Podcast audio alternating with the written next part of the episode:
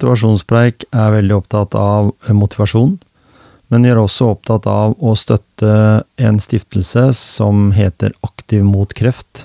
Denne stiftelsen har etablert 21 pusterom rundt omkring i Norge på forskjellige sykehuser, og som vi alle vet, så er trening en viktig faktor for å bli fortere frisk. Trening før, under og etter kreftbehandling er viktig, og for å ha dyktige instruktører, for et godt pusterom i nærheten av der du bor, så eh, velger vi å si at det viktigste du nå må gjøre, er å støtte Aktiv mot kreft. Du kan vippse til 10191, eller du kan gå inn som støttemedlem på aktivmotkreft.no.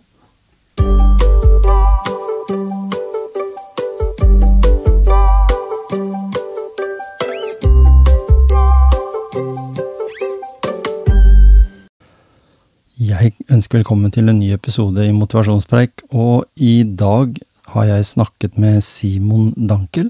Han er professor, jobber ved Universitetet i Bergen, og har eh, vært i media i forhold til ultraprosessert mat, men har også en del priser eh, gjennom eh, sitt arbeid med fokus på diabetes og diabetes 2.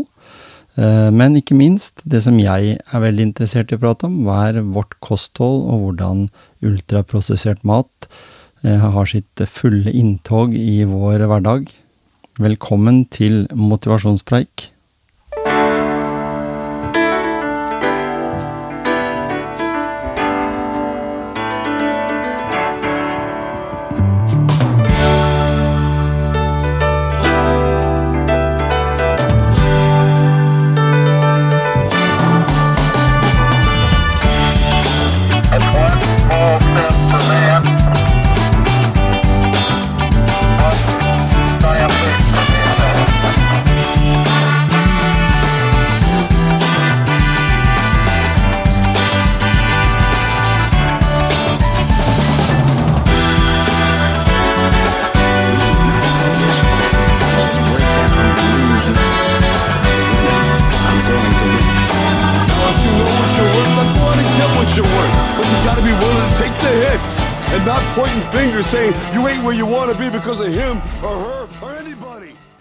Velkommen, eh, Simon Erling Nitter Dankel, til uh, motivasjonspreik. Hei, takk. Du er uh, Er det riktig av meg å si at du er professor ved Medisinsk fakultet ved Universitetet i Bergen? Ja, det stemmer. Ja. Det, hva, er, hva, går egentlig jobben din ut på dag, da? Hvis en skal si det sånn? Ja. Uh, for det meste så driver jeg med forskning. Så jeg har ulike forskningsprosjekter. Jeg jobber både med kostholdsintervensjon på, hos mennesker med fedme eller type 2-diabetes. Eh, da ser vi på ulike kosthold og hvordan det virker på vektreduksjon og på glukosemetabolismen bl.a. Og så jobber vi også eh, på laboratoriet med både dyreforsøk og cellekultur og uh, ulike eksperimenter for å mm. finne ut av hva som skjer i cellene uh, ved fedme diabetes. Mm. Eh, jeg syns jo det er interessant å høre. Du har jo kasta deg litt inn i den debatten eh, etter denne når den kom ut her i, i juni i år. Eh, fordi det er vel alltid sånn i, i, å, å, da gå til kamp mot den store matindustrien, det er ganske vågalt, er det ikke det? Ja, jeg vet ikke om jeg vil si vågalt, men kanskje en litt håpløs business. Ja. du jobber jo mot en gigant. Mm, nemlig.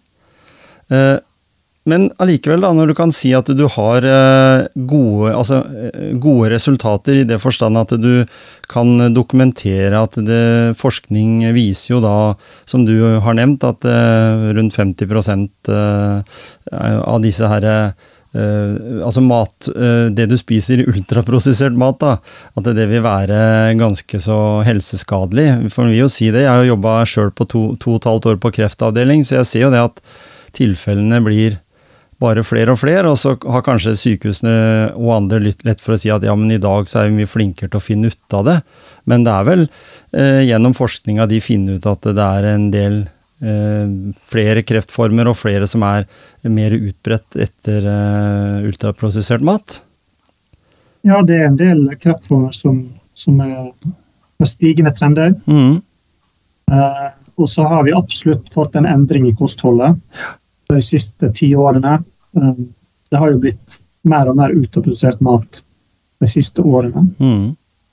Eh, og da er det utrolig viktig at vi kan kartlegge hva slags sammenhenger det her kan ha med sykdomsrisiko. Og det, og det er jo ganske alvorlig, fordi vi en tenker at eh, eh, mennesker i dag tror med i god tro at det er helt ok å bare kjapt kjøre innom og kjøpe både lunsj og middag på Meny eller, eller på Spar eller hvor det måtte være, eh, fordi det er jo sunne pizzabagetter eller, eller eh, gryteretter eller hva det måtte være. Eh, så er de kanskje ikke helt eh, oppdatert på de, hvilken risiko de utsetter seg for over tid. Nei, det, det, er, det, er, jo mange teorier hvorfor den type mat kan være uheldig. Mm.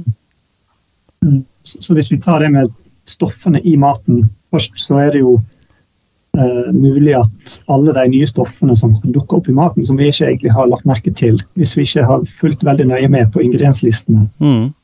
eh, Altså hva, hva, effekter har de egentlig på, på kroppen? De stoffene har kommet i maten av hensyn til å skape profitt. Eh, enten fordi det virker som konservering, eller fordi det gir en bedre konsistens, en bedre smak. Mer etter, ettertrakta produkter. Mm. Um, og det som er mest betenkelig ved det, syns jeg, er at vi ikke egentlig vet effektene på tarmfloraen. Det vi, det vi vet, er at det er effekter på tarmfloraen. Uh, men vi har ikke tatt hensyn til det når vi har satt for F.eks. så her er grensene for hva som er ansett som trygt å innta. Eh, og når vi får en sånn kombinasjon av eh, tilsetningsstoffer i, i alle typer varianter og i ulike matvarer, så, så kan det hende at eh, totalmengden blir så stor at det får en kronisk innvirkning på bl.a. tarmfloraen, da, som mm. igjen kan virke inn på helsa. Ja, for, for, det, er jo, det er jo ikke tvil om det, og det har jeg jo selv opplevd gjennom min jobb, at uh, vi, vi, utsetter jo tarmsystemet vårt for ganske voldsom behandling. og vi ser at Når du, når du snakker om tarm, økende tarmkreft, eh, bukspyttkjertelkreft osv., så, videre, så vet en jo alvoret i dette. For det er ganske, ganske endring i livet vårt hvis en får det. Jeg vet at uh, tarmkreft kan man Eh, operere og, og, og, greie å løse, men bukspyttkjertelkreft er jo en, en sakte død, hvis en skal si det så ille. Ja, og det, det er klart at uh, tror maten har en betydelig innvirkning på risiko. Mm. Så, så, er det jo selvfølgelig uh, Det er ikke sånn at det er en veldig høy risiko, men det er nok til at det i et folkehelseperspektiv er det er viktig å finne ut mer om uh, forklaringene bak de sammenhengene vi ser. da. Sånn vi har jo sett uh, Som gjennomsnittlig i ulike studier så har vi sett en 10-20% økt risiko, som er egentlig ganske betydelig i befolkningssammenheng. Mm. ja, så det blir veldig viktig å forstå hva er det som er med denne maten, og hva, er det som er forklaringen på de sammenhengene, sånn at vi kan med litt mer sikkerhet gi i anbefalinger. Det skal ikke være sånn at folk skal frykte å gå rundt og unngå all ultraprodusert mat på den måten. Men jeg tror at eh, det store berget av, av, mat som vi har fått i dag, eh, har så mange negative sider ved seg at eh, det vil være veldig lurt å basere kostholdet på minst mulig bearbeidet mat, eller mest mulig minimalt prosessert mat. Mm. Da får en uh, helsegevinster antakeligvis på mange områder. Ja, ikke sant. Men hva gjør Simon sjøl, da? Uh, er det sånn at du blir helt sånn kjempebevisst på hva du spiser, eller uh, For det, det, er jo sånn at gjennom forskningen så har dere jo ikke påvist ett konkret stoff eller, eller noen flere. Det er jo snakk om uh, ultraprosessert mat generelt, altså gjennom pizzaer, godteri altså Det er mange sånne ting som, som, en, som er lettvinte løsninger som du tar med i farta, hvis en kan kalle det det. Uh, hvordan er ditt uh, kosthold? Jeg vet du er glad i speltbrød, men utover det? ja, um, mitt prinsipp har vært i 25 år å basere meg på minst mulig prosessert mat, altså Mm. hele råvarer, og lage mest mulig av maten sjøl. Det er gjenkjennbare matvarer som, som jeg kan tilberede på kjøkkenet. Jeg vet hva det er for noe. Mm.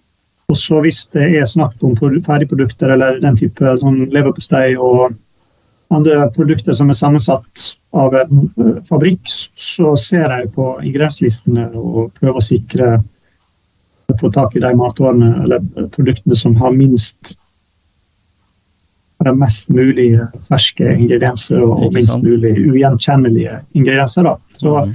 så jeg følger det prinsippet, og jeg tenker at eh, det må jo være et greit prinsipp. For dette, det finnes ofte alternativ som vi kan velge mellom. Sant? Og problemet er vel at mange i farta ikke finner de alternativene. Så en må jo være bevisst på å legge seg til vaner som, som gjør at en velger riktige alternativer. Ja, ikke sant. Og, og det er noen som sier nå, jeg ser det er jo høy aktivitet på sosiale medier i forhold til enkeltpersoner i hvert fall, som, som promoterer dette her å velge alternativer. Og en av de tingene de sier da, det er spis det dine besteforeldre spiste. Ja, ja. Og jeg husker jo, jeg husker jo svi, eh, svigerbestemora mi, hvis jeg kan si det sånn, da. Hun lagde bankekjøtt til oss med sånn skikkelig god saus med ordentlig fett på. Og vi husker den gangen, det er jo snakk om kanskje 20 år siden det, da. eh, Så sa vi at åssen går det an å spise dette her? Da var liksom sånn eh, Det var jo kjempeusunt, men hvis en ser på situasjonen i dag, da, så var det kanskje ikke så gærent allikevel. Nei, jeg mener at um, det fokuset vi har hatt på å redusere fettet og, og endre på fettinnholdet i maten, kan ha eh, gjort vondt verre. Mm. Eh, og det er også flere i industrien som, som har sett det, at eh, når vi får den type fokus på enkelte stoffer i maten, så, så, så dreier produsentene produksjonen sånn at den endrer sammensetningen i maten. Mm. Og det er ikke uten videre gunstig, da, så, så en har jo erstatta masse av det fettet med tilsetningsstoffer som skal kompensere for smak og konsistens og alt det her. Eh, og jeg tror vi har kommet litt skjevt ut, for da har en tydd til sukker, en har fått søtere produkter, en har fått eh, langt flere tilsetningsstoffer som, som kan være uheldige. Og så kan det være med å drive et overforbruk også, som vi ikke hadde før når vi spiste mer fettrik mat og, og litt mer sånn enkle, eh, gjenkjennbare råvarer. Så nå har vi jo også fått en um, industri som kan markedsføre produkter på en helt annen måte, med alle slags helsepåstander og tilsetningsstoffer og smaksvarianter som vi ikke hadde før, Mm. som driver et overforbruk. Ja, for, for jeg, jeg, jeg har jo liksom prata mye med kona hjemme, og vi har liksom tenkt at nå er vi bare to voksne i huset her, eh, og barna har flytta ut. Vi kan jo prøve å påvirke de, da, men de, har jo, de, de følger ofte litt også den trenden vi har, og har vært flinke egentlig. De yngre har vært flinke til å lage mat fra bånn også, hvis en ikke heng, henger over seg dette her at en skal rekke alt eh, mellom, mellom måltidene. Eh, men allikevel da, så, så kjøpte kona en sånn pose med eh, blomkålsuppe på Rema 1000. Og hvis jeg lager blomkålsuppe fra bånn av for det, når jeg gjør, så, så har jeg liksom sånn tre-fire dagers holdbarhet på den eh, før vi tenker at nå er det ikke så lurt å spise den mer. Men den hadde over et år. Ja. ja, det er veldig mistenkelig hvor lenge mange av de produktene i dag varer i, på, på hyllene og hjemme. Ja. Så, så det har skjedd noe der. Og jeg tenker ofte at uh, hvis det blir så godt konservert, så, så, så er det nærliggende å tro at det påvirker tarmbakteriene. fordi Det er jo snakk om å holde bakterier i sjakk i stor grad, det her med konservering. da det er jo sånne stoffer som, som sannsynligvis kan bidra med å endre på tarmfloraen også i, Mm. i, i tarmen. Sånn over, over tid, ja, også. For, for når vi ser det på den jobben jeg har, så, er, mye, så er det mye borti antibiotikabruk, overforbruk. Eh, og det er på en måte vært eh, der samtalen har ligget, men, men nå snakker vi jo rett og slett om hva, hva vi tilegner oss hver eneste dag. Altså maten vi trenger. Vi spiser frokostblandinger, og vi, vi spiser lettvint lunsj. Eh, Nå jobber jeg som sagt på et sykehus, og jeg håper jo at hvis jeg enkelte ganger går bort og kjøper eh, noe i, i, lunsjen i kantina, og ikke bare tar havregrøt som jeg lager fra bånna, da, så, så, er den forholdsvis sunn. Og det er jo sånn jeg tenker at det, eh, det som lages til eh, pasienter også, er gjennomtenkt, i hvert fall. Jeg håper det. Men eh, et eksempel. Jeg hadde en som skrev på Facebook, han hadde kjøpt seg en sånn First Price eh, rekesalat. Og i den så sto det sånn at det var stillehavs-atlanterhavsreker. Eh, og at det var inneholdt sånn og sånn. Sikkert masse sånn som vi ikke behøver å ha. Eh, og det var to reker oppi der. sånn fysiske ja. reker. Eh, hvordan tenker du det at First Price som varemerke, altså det er jo fra én leverandør, det finnes jo andre sånne typer fra, fra Prix og, og, og andre som, som lager da veldig billig mat fordi det skal være billig for de som ikke har så god råd. Eh, blir jo ikke det en sånn feil samfunnsgreie, da, når, når, de som har dårlig råd fra før, er også de som havner i køen av syke, da, fordi de har måttet velge det gjennom livet? Ja, det er egentlig et utrolig viktig problem som vi står overfor. Ulikheter i helse knytta til ja, økonomi, kunnskap også. Mm. Eh, så det er veldig mange av de produktene som er billige, som har mindre råvarer i seg. og da, eh, Det som egentlig er ultraprosessert mat, er basert på hele industrien. Den, den, verste delen av den industrien, da, kan du si, eh, er at en har degradert råvarer, sånn at de blir holdbare og kan omsettes og sendes rundt omkring til ulike fabrikker. F.eks. mel, vegetabilske oljer, så han har prosessert i en sånn grad at det holder seg veldig lenge, og at det er lett å omsette og, og sende til uh, produksjon. Mm. Uh, der en setter det igjen sammen igjen til nye produkter. Mm. Uh, og, og så, så, Bare basert på en sånn tre-fire hovedingredienser, så kan en komme opp med en tusen forskjellige former for ulike matvarer som er konstruert fra bunnen av mm. på den måten. men der enkeltingrediensene har blitt brutt ned på forhånd. Og, og da, da uh, bruker jo selskapene det her til å lage billig mat, og så markedsfører de den maten, og så får de solgt veldig masse av den maten. Mm. Og det, det, er helt klart med på å gi et mindre sunt kosthold hos de med mindre råd, og også som har ja, mindre kunnskap. Mm. Som jeg var inne på litt tidligere, du sier at du sjøl er litt sånn bevisst, altså du har noen sånne elementer som du er ganske så trygg på. Jeg, jeg, skjønte det at du Jeg hørte i en annen podkast du var med at dette er med, med å, å, kjøpe brød, altså istedenfor kanskje å bake eller velge riktig type brød. fordi vi blir jo litt sånn bondefanga når vi ser et kjempeflott, fint, eh, kompakt brød med masse frø på og masse korn på, eh, er det beste alternativet. Eh, vil du si at vi burde hatt med Altså, jeg husker jo det fra skolekjøkkenet ja, når jeg gikk på skolen. Er jo jeg vokst opp eh, en, en ca. ti år før deg, men, men allikevel. Eh, skolekjøkkenet var en viktig prosess og en viktig bidragsyter til å lære oss å bake brød.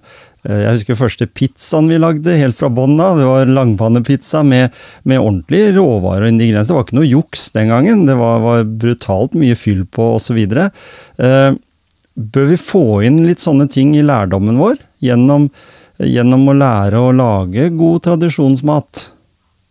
Ja, absolutt. Um, jeg syns det smaker fantastisk med nybakt brød og mm. grovt brød. Um, Surdeigsbrød. Og så, um, og så har vi unnskyldninger om at ja, vi har ikke tid, og det, det, er ingen som klarer det, og det er ikke realistisk lenger, og sånt, men det, det mener jeg er altfor lite ambisiøst. Så det, det, du merker jo at når du lager det sjøl, så blir ikke det fullt så mjukt uh, og fluffy som du får i butikken. sant? Og det er også en ting som, som jeg ser med disse her kjøpeproduktene, at det, det, de tilsetter emulgatorer og ulike stoffer. Da. De mm. stoffene var ikke der for 10 år siden eller 20 år siden. Jeg vet ikke hva tid det begynte, jeg har ikke merket til nøyaktig. Men um, de stoffene gjør at maten, grovbrødene også, blir veldig mjuke. Og, og, mjukheten på maten har en uh, stor innvirkning på hvor fort vi spiser, mm. og, og, hvor masse vi da spiser. sånn at det er også en faktor her. Hvis vi hadde lagd maten sjøl, så, så, hadde vi nok også spist litt mindre av den. Mm. Selv om det går jo selvfølgelig an å overspise helt ferskt hjemmelaga brød rykende ferskt fra ovnen, da selvfølgelig. Men, ja. men, men, likevel så, så, er det noe med det å få et forhold til ingrediensene i maten. og ja, så spise litt mer moderat. Og de, produktene i butikken de eh, mener jeg i stor grad driver et overforbruk. Det er lettere å, Man blir ikke like lett mett på det, og lettere å overspise. Ja, og så, har vi jo det. En, eh, en, annen som har hivd seg ut i den debatten, Marit Kolby, da, hun sier jo mye om det her med at eh, spis deg helt mett. Da velger du også å ikke behøve å ha så mange måltider, for en av de store problemene våre er at vi velger altfor mange måltider. Spis når du er sulten, har det jo liksom vært, og da kjøper du en sånn pose da med nøtter blanda med diverse ting, eh, som igjen, som du er inne på, har en unik holdbarhet langt fram i tid. Eh, og så tar vi kanskje en bolle, og så har vi det gående med kanskje både fem og seks og syv og åtte små mål, mellommåltider. Altså hele, hele matprosessen vår blir bygd opp bare på småmåltider. Ja, det er jo det er en slags uh, spisemønster som, som uh, også industrien har vært med å konstruere. Mm. Disse her med snacks og altså alle disse produktene sånn, som en skal mellommåltider skal ha. Uh, mellomvar, klassisk eksempel på det. da. Mm. Uh, det altså, En får et veldig lite bevisst forhold til hva en egentlig putter i seg når en spiser på den måten. Så at jeg også følger det prinsippet at jeg, jeg, spiser måltidene. Jeg vet egentlig også alt jeg har i den maten, for jeg lager den stort sett sjøl. Mm. Og så holder jeg meg unna å spise mellom måltidene, stort sett. Sånn, så, så, er det jo sånn at en blir tilbudt det ene eller det andre overalt. og I jobbsammenheng så er det satt fram uh, pausemat eller hva det skal være. Mm. Jeg styrer som regel helt unna det sjøl. Men ja. uh, det, det, er jo også fordi jeg spiser meg god og mett til de måltidene jeg har. Mm, så fristelsen blir uh, ikke så store? Ja, det er ikke så, så stor fristelse, fordi jeg, jeg, er ganske mett og mm. holder meg mett. Spiser jo mer fett og sånt, sånn at jeg holder meg mett til neste måltid. Og så får jeg ikke så masse igjen for uh, disse her produktene. Og, og jeg, jeg leste denne boka 'Ultra Processed People' av han van Tulleken, som kom ut i utlandet. Er um, uh, fra England, da. Mm. Og han, uh, han skriver også masse om det her. Så ja, utrolig viktig å spise riktig, velge riktig type mat. Ja, ikke sant. Og, og, og, når vi snakker om det der med måltidene, da, eh, så, så er det jo som sagt eh, blitt Eller i forhold til det, de undersøkelsene som er gjort, og den, den, rapporten som kom ut, så sto det jo at eh, matindustrien de mente jo da at det var viktig for de å lage den type mat fordi folk hadde så dårlig tid.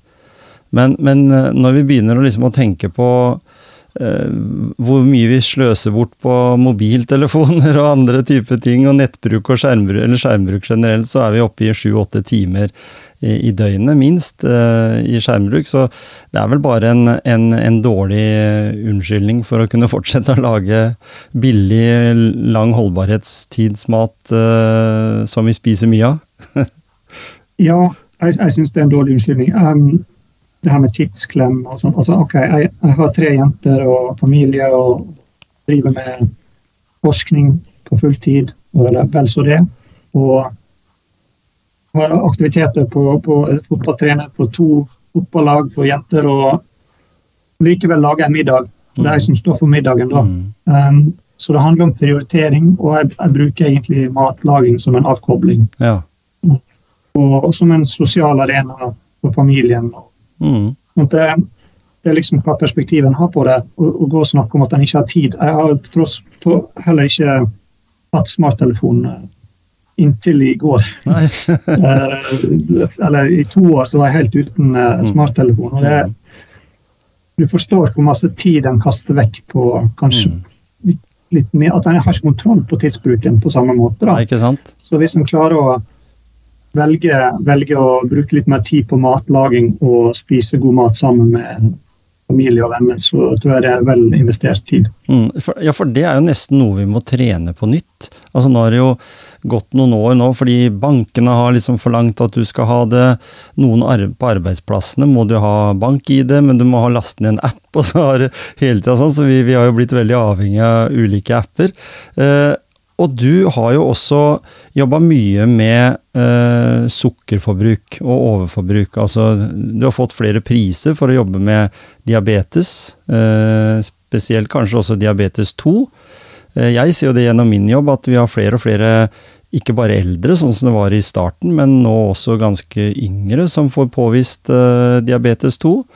Og det har jo direkte noe med inntak av sukker og eventuelt da det kostholdet som vi har vært inne på her, med, med for mye sukkerinnhold. Eh, har det ikke det? Jo, um, og jeg, jeg, prøver å uh, ja, si litt om det her i, i media og sånt. Det, mm. det, er ikke så populært å si at en skal spise litt mer fett og litt mindre karbohydrater, men jeg mener at vitenskapen er ganske tydelig på på at det er gunstig, i alle fall for eh, personer med fedme og eh, type 2-diabetes eller prediabetes. Altså de som, de som, har nedsatt følsomhet for insulin. Eh, det viser studiene at du får en bedre effekt jo lavere karbohydratinnhold i kostholdet er. da. Mm. Um, og i tillegg så det her med feit mat, altså meieriprodukter bl.a. Som, som har mer fett, det, det viser positiv sammenheng med Eller skal du en beskyttende um, sammenheng med hjertekar. Så, så han har liksom sagt at fett og metta fett er et stort problem, og så har en erstatte det med ultraprosessert mat. Mm. Mm. Så som du sa i stad, hvis en går tilbake til det våre besteforeldre spiste, som var litt mer sånn Vi hadde jo en husmannskost her i Norge, men eh, var i stor grad inspirert fra Frankrike og den type med litt sauser basert på smør og litt mel, og så mm. har du kjøtt eller fisk, og så har du en god del grønnsaker. Så det er ganske enkle prinsipper. og Hvis en slutter å tenke på at fettet skal være så farlig, så går det masse mer automatisk eh, ut fra mine erfaringer. For. Ja, ikke sant? Og, og, de snakker om dette her med at vi skal spise mindre kjøtt. Mer plantebasert.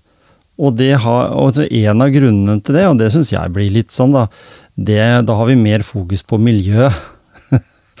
men, men, jeg tenker at eh, det, er jo, det er jo ingen forskning som sier at kjøtt er usunt. Altså jeg, jeg hørte et utdrag av en podkast du hadde vært med, og da snakka vi litt om dette her med at vi har altfor lave jernverdier i, i kroppen. Altså, eh, og, og, og du, du, kan jo få piller for det, men jeg sier jo sjøl hvis jeg har tatt en jerntablett, eh, så blir jo systemet veldig snudd opp ned. Istedenfor at du får det gjennom kjøtt og, og sånn, da.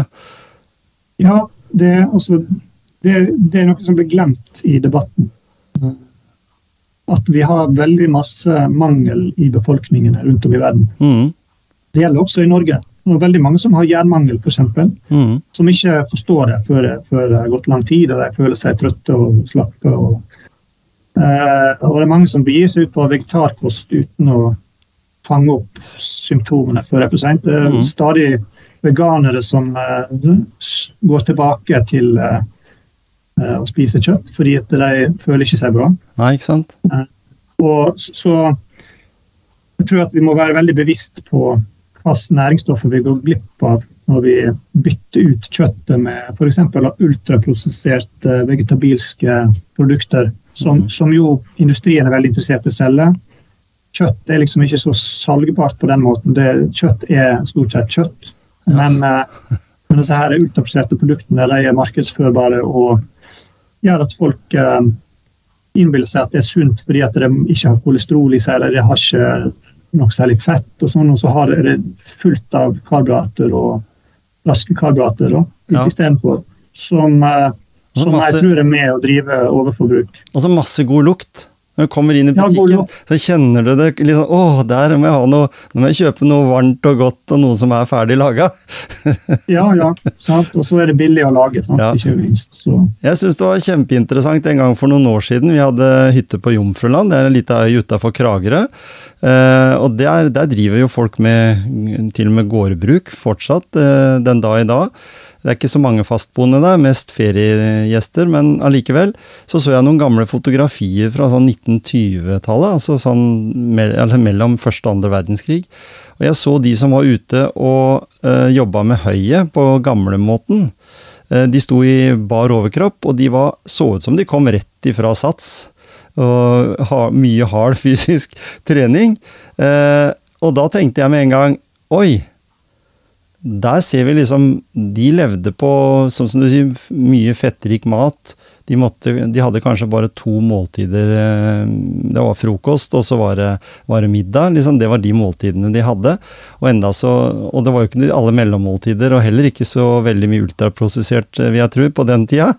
Eh, Og de så jo ikke usunne ut, og det jeg har snakka med eldre mennesker også, som sier at det var jo Altså, om du var- syk, da, så ok, du hadde kanskje alvorlige sykdommer hvis du, hvis du døde. I dag så sier jo alle vi har lang, vi lever lenger, vi, vi men, men, vi, men vi har aldri vært så syke som vi er nå. På, på ulike måter. Depresjoner og, og i det hele tatt. Og det også er et faktor som jeg er litt opptatt av gjennom podkasten her. Nettopp den depresjonen. For det ser jeg også det blir nevnt at det en kan være en årsak til gjennom det kostholdet vi har. Ja, ehm, det er faktisk blant de sterkeste sammenhengene vi har med ute- Mm. depresjon, tal, helseproblemer. Ja. Um, det kom en, eh, ja, kom en artikkel, sånn sammendragsartikkel i forrige måned som så på alle sykdommer knytta til utarbeidet mat, og, og da kom den depresjonen ganske sterkt ut. Mhm. Så, så, um, så om det henger sammen med fedme, eller om det er at når vi ikke får den næringen kroppen trenger, så, så, vi ikke, så blir kroppen i ulage, og hjernen blir i ulage. Det, mm. sant, så har det jo sikkert også sammenheng med en generelt usunn livsstil, kan det også ha. Så, mm. så det er mange som eh, på mange måter lever usunt i dag, uten at de vil det. Um, livsstilen vi har, eh, ja, måten vi lever på med mobiltelefoner, som du sa, med aktiviteter og kostholdet. Så det er liksom en sånn perfect storm for å, å gi dårlig helse, da. Mm. Eh, og som, som treffer spesielt de svakere i samfunnet som har mindre ressurser eller mindre kunnskap eller eh, evner til å på en måte ta styring. da. Ja, ikke sant? Men når jeg snakker med folk som sier eh, til meg, som, som driver mye og trener og sånn, så sier de at eh, jeg kan spise hva som helst, ja, fordi jeg trener, så, så for meg så spiller det ikke noen rolle. Det, det blir litt feil da, når vi er inne på ultraprosessert mat? For det er like Ja. usunt for en som trener mye. Det, det kan det jo være. Spørs hva slags mekanisme mekanismer en tenker på. Sant? Sånn at, eh, Hvis det er energibalansen en tenker på, Mhm. så, så, så, så vil jo den, en del av den energien gå til å bygge muskler istedenfor å bare gå rett i bukfettet. Mm. Eh, antakeligvis. Altså, trening vil jo Du kan ikke gå ned i vekt så veldig lett med trening, men du kan opprettholde veldig en sunnere metabolisme, et stoffskifte, som mm. fungerer bedre. da, Ikke sant? Så vi har jevnlig trening. Mm. Eh, Men hvis, et viktig prinsipp er jo at hvis en er aktiv, så, så skal en gi kroppen det den trenger også av vitaminer, mineraler og Mhm. Eh, så, Som regel får vel folk i seg proteiner og sånt når de trener, men, eh, men eh, fett, fettløselige vitaminer og god kvalitet, og ikke for mange av disse her stoffene som kanskje er uheldige, bl.a. for tarmhelse, bør vi være bevisst på samme hvor masse vi trener. Ja? Og to av de største faktorene tenker jeg som, som er veldig utbredt på treningssenter, det er sånne mellombarer eller andre sånne proteinsjokolader. Sånne gigantiske, svære megasjokoladen Og så sånne er det heter, altså Jeg kaller det sånn Monster, Red Bull, disse herre næ- eller energidrikkene. Ja. Det er jo det som er Det er sinnssykt utbredt. Det, det blir jo skrevet på det at ja, det er så bra for elektrolyttbalansen. og det, Mhm. det er liksom hele det der prinsippet med ultraprosessert mat. At en, har, en, har liksom, en ser på matvarene som En ser på ingrediensene og enkeltstoffene i maten mer enn på hel, helheten. Mm. Hvordan det, sammenhengen er. Eh, Så spiser du naturlig eh, fersk og hel mat, så så vil det ha en sammensetning som har stoffene du trenger. så en trenger ikke å Det er nesten så en tror en må spise de produktene for å prestere bra på trening, eller, eller Mm. ja. Egentlig er det jo bare markedsføring. En god middags, et godt middagsmåltid med, med fettrik mat før en treningsøkt, det, det kan du anbefale. Ja, ikke altfor rett før, kanskje, men, Neida, men eh, sånn.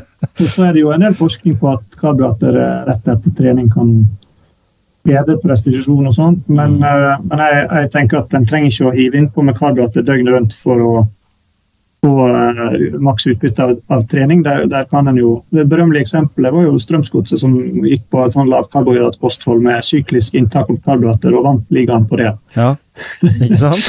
Så, så, um, så ja, bare litt tilbake til det opprinnelige, sånn som vi er meint å spise fra naturens side. At vi ikke plutselig snur helt om på kostholdet. Da, da tror jeg at biologien vår reagerer slik at vi utvikler eller får iallfall større risiko, betydelig større risiko for å utvikle kroniske sykdommer. Mm. Det er jo ikke tvil om at det, en del av det vi snakker om her, det går jo også mye på dette med overvekt. Altså vi, er, vi veier for mye, i hvert fall i forhold til en, en BMI som vi bør være på. da, som hvis en tenker at, at det, men allikevel så er jo kanskje det viktigste eh, Det mener jeg du har nevnt en gang. Dette med pæreform, epleform, hvordan kroppen vår eh, ser ut. At det på en måte signaliserer litt hvordan vi lever. Eh, er det riktig å ta tak i det på en mer åpen måte, holdt jeg på å si? Da, mm, Det vi, det vi fall vet er at uh, vi kan ikke nødvendigvis bare se hvordan folk ser ut og, og tenke at de er sunne eller usunne. nei? Uh, selvfølgelig, Hvis du har en topptrent uh, person, så er det jo lett å tenke at den er sunnere og har bedre ja, ja, kardiometabolsk helse, som vi kaller det. Sant? Mhm. Hjerte og, og det med stoffskifte. Så, så, men det er også viktig å være klar over at vi har, har sunnere former for fedme og mindre sunne former for fedme. på en måte da.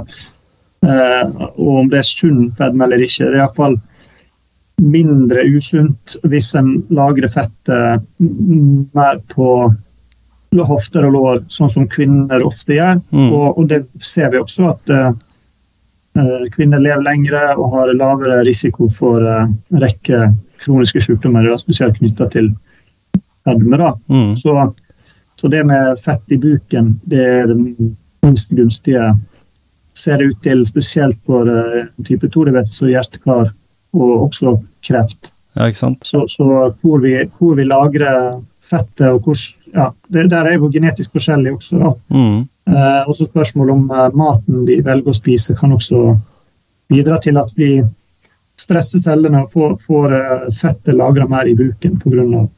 St st mat som stresser kroppen. mm. Jeg tenkte sånn mot slutten nå. Eh, hvordan er ditt forhold til mosjon og trening? da? Du nevnte at du var fotballtrener, men hva, hva gjør du sjøl? Jeg, jeg har et opplegg med jeg har noen strikk som eh, fører til eh, utmattelse Mm.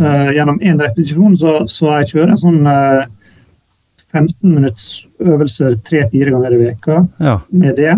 Det er sånn de store muskelgruppene, så jeg kan ta knebøy og uh, benkpress. Står, står da med strikken rundt eh, skuldrene og presser framover Mm. med en sånn stang. Så, så det blir ekstremt god pumping av hjertet, og, og jeg får veldig god eh, trening av muskulaturen på det. Og jeg har funnet ut at jeg har trent masse før med sånn 40 minutts økter på treningsrommet, vekter og frivekter og sånt, men fant ut at det her var vel så effektivt. Jeg ble ikke så støl og urolig når jeg skulle sove. og, og eh, ja, i det hele er effektiv trening. Så jeg Mm. tror, jeg tror faktisk en kan komme unna med 15 minutts intensive økter tre-fire ganger i veka og, og, og leve veldig godt med det. Mm.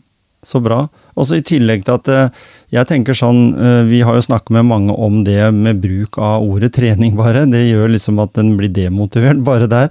Så, så, så motivasjonen må jo være at en finner en treningsform og en aktivitet som er tilpassa det livet en lever. Mer enn at en bare skal kaste seg inn på denne her eh, dørstokkmila og inn i treningssenter og Alle er jo ikke komfortable med å stå i kø for å trene heller. Nei, Nei. Nei og det, det, er utrolig viktig at folk finner sin måte. Så, men det som jeg absolutt tenker, at hvis en klarer å få så høy intensitet at en pusher seg til sånn, stort sett at musklene blir utmatta, mm. klarer det Trenger ikke gjøre mer enn én repetisjon. Nei. Klarer du det jevnlig? Det var, jeg husker på TV det var en gang en sånn uh, 70-åring som var sprek som en 30-åring rapporterte. Han, han holdt på sånn 15 minutter eh, annenhver dag. eller noe sånt, mm. sånn, noen hangups og litt forskjellige sånne store muskelgrupper. da. Mm. Utrolig hvor spreken kan være hvis en bare holder seg til det og, og ikke overdriver mm. forventningene hvor masse en må holde på. Når vi snakker da om motivasjon, har du på en måte følelsen av at du har gjort noe med din indre motivasjon i den formen å trene på, eller? At det er så på en måte innøvd, prenta, at det, det, er som å gå på jobben? Ja. Mm. Jeg, jeg har gjort det som en vane, også som jeg, ikke liker å unngå. Sånn, mm. For dette gevinsten ved å, å føle seg uh, såpass uh, frisk og ja, godt trent, da, ja, er, er, så stor. sånn at jeg, jeg ønsker ikke å unnla, un, unngå det.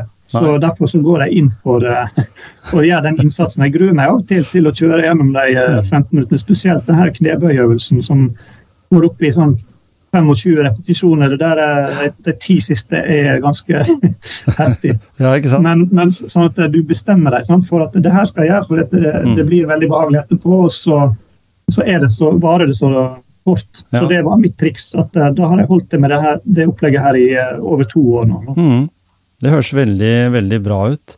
Uh, og, det at den har funnet sin form for, for, trening. For jeg vet at uh, Blant annet en som heter Gisle Johnsen, som jeg har hatt mange podkaster med. Han uh, bruker nesten veldig mye, altså ofte egen kropps, kroppsvekt. Og det er jo mm. undervurdert, egentlig, for det, det er noe du har med deg hele tida. Pushups, ja, situps, uh, hangups, som du sier. Altså det å gjøre ulike øvelser. Og da når du kompenserer med strikk, så blir det også litt tyngre. Og der, der finnes det vel ulike varianter av strikk også, hvis vi skal si det til noen av lytterne våre som, som har lurt litt på dette. Så finnes det jo strikk i ulike varianter. Jeg har bl.a. et strikk som jeg har laga sånn såkalt stakemaskin i kjelleren. Altså jeg bare monterte strikk opp i taket, og så kan jeg stå sånn, og det, det vet jeg eh, Anders Aukland og disse gutta her også, som har staka mye på ski, vi bruker som, som en sånn supplement til Istedenfor å sette seg en halvtime i bilen og kjøre til treningssenter og gjøre det på en maskin, så, så kan ja. jeg heller spare den, den, halvtimen og så gjøre det hjemme. Ja, mm. det, det, er det som også er min min løsning nå. Mm. At jeg kan gjøre det i stua. Eh, mens veldig jeg, ja, på veldig, kort tid. Så. Veldig god idé. Og så er, er, det veldig gunstig i forhold til det med stølhet. Eh, jeg mm. merker ikke å bli støl i det hele tatt, samme hvor hardt det presser meg. fordi strikkene har en helt annen ja, en skånsom eh, effekt enn en frivekter da, på med muskulatur og sener og alle disse her mikroskadene som du får. egentlig egentlig ikke er viktig å ha for muskelvekst. Det er forskning på det. Så det er veldig interessant at den type trening du kan, du kan få uh, god effekt uten å måtte få sånne småskader i muskelen som gjør at du blir støl. Mm, også ikke bare det, men du behøver ikke å liksom trene styrke for å jobbe opp større muskulatur. Som du sier, dette med muskelfiberne våre Eh, at den krever mer mat, for man ha det når den er tyngre. Og den skal være 120 kg og, og, kroppsbygger. Den behøver ikke være det som, som, forsker. Jeg behøver heller ikke være det som helsearbeider, sånn sett.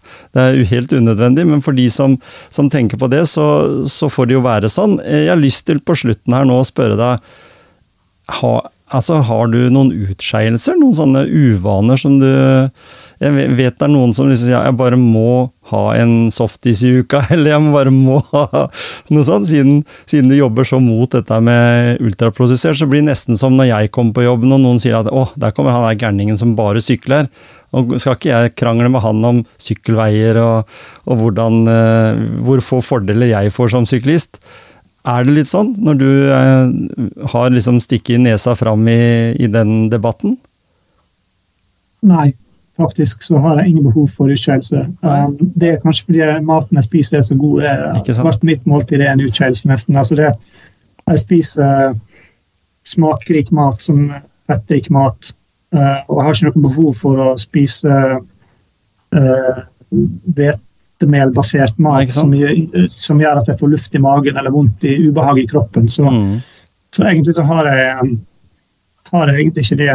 Eh, men eh, når det er sagt, så, så er ikke sånn eh, ekstremt streng heller. sånn at Hvis det står en, en banankakebit i lunsjen her i dag, f.eks., så jeg spiser jo litt innimellom som, som er godt, men det gir ikke meg noe spesielt. Sånn. Det, det har litt med måten jeg spiser på, hvordan jeg, kroppen blir mett av den maten jeg Mm, spiser. Så jeg mm. føler ikke behov for å spise søte ting nesten i det hele tatt. Nei. Nei, det høres veldig bra ut. Og det er, da, da er det liksom også det som gjør at du, du brenner for den saken nå, da. At du, du, syns, du legger inn ekstra innsats når du forsker på dette vil jeg tro. At det, det har, du vet det har en betydning. Har det vært sånn at du på en måte Du nevnte akkurat det nå, dette her med mel, at den blir litt oppblåst i magen av, av. Det, det merka ikke jeg når jeg var 20 når jeg gikk på videregående, vi kjøpte en bolle i lunsjen bestandig, men eh, jeg kan jo nesten ikke spise det i dag når jeg er over 50. Så, så, så er det litt sånn at eh, kroppen forandrer seg? At du blir mer mottakelig for, for eh, symptomer når den blir voksnere, eller er det bare rett og slett at det har vært sånn hele tida? Det er et veldig godt spørsmål. Um, uh, jeg føler at jeg alltid har vært sensitiv for det der. Altså, Iallfall etter at jeg slutter å spise mel nesten en lang periode, så begynner du igjen. da, Så, så merker du det voldsomt. Um, men det kan jo ha med at tarmfloraen tilpasser seg litt. Og kanskje en tåler litt mer hvis en blir vant til det. Mm. Men uh, jeg er litt usikker på det med alder, faktisk. Ja. Jeg, jeg påvirker alle kollegaene mine til å fermentere, for det gjør jeg mye. Jeg lager kimchi, og jeg fermenterer brokkoli og mange ting. Eh, og sier at det, det er veldig godt, og jeg sier at det funker veldig bra for meg. Hva tror du om det? Sånn type på, la, Gjøre på gamlemåten? Ja, um, nei, Studiene har jo vist at det, det som virker mest inn på tarmfloraen, det er fermentering av mat. Det er ikke fiberinnholdet, men det er faktisk fermenteringen av Mm. maten. Mm. Så, så jeg, mitt prinsipp er, er at um, jeg prøver å drikke mest mulig fermentert melk. Uh, eller hvis jeg skal ha melk, så blir det fermentert melk. Mm. Eh, eller yoghurt eller eh, ost. Sånn typisk Min favoritt er franske oster, sånn, sånn brie og camembert og mjuke oster spesielt, som Mm. er jo fermenterte produkter, da, og ost generelt. Mm. Um, Surdeigsbrød. Så, sånn det, det går igjen. for Det der er en gammel konserveringsteknikk som Mm. vi har hatt i tusenvis av år, som vi har tilpassa oss langt bedre enn den moderne konserveringsteknikken med ultraprosert eh, mat og alle mulige slags rare stoffer. Så, da, så da heier vi nå på kulturmelk. Eh, Jeg syns det er veldig godt. Kulturmelk med korn uh, istedenfor. Jeg bruker ikke sånn Biola sånn ferdig, jeg da bruker den kulturmelka. Den syns jeg er veldig god. Og så kan jeg da med god samvittighet ta meg en god øl. Ja, antakeligvis. En øl i ny og ne. Ikke sant? Kunne nyte. Veldig hyggelig at du ville være med i Motivasjonspreik. Jeg håper noen av lytterne våre der ute, eller mange, blir litt motivert til å se litt på hva som står bak på pakningen når de kjøper eh, mat. Eh, være flinkere til å lage mat fra bånn av. Eh, heier vi ikke på grønnsakshagen igjen? Er du forkjemper for det? Ja, absolutt. Få tilbake det. Tusen takk for at du ble med i Motivasjonspreik, og lykke til videre med forskninga. Veldig hyggelig, og tusen takk.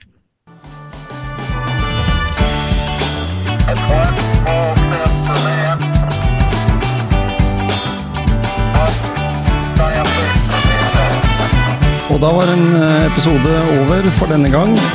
Ny episode i Motivasjonspreik kommer om en uke, så tune in!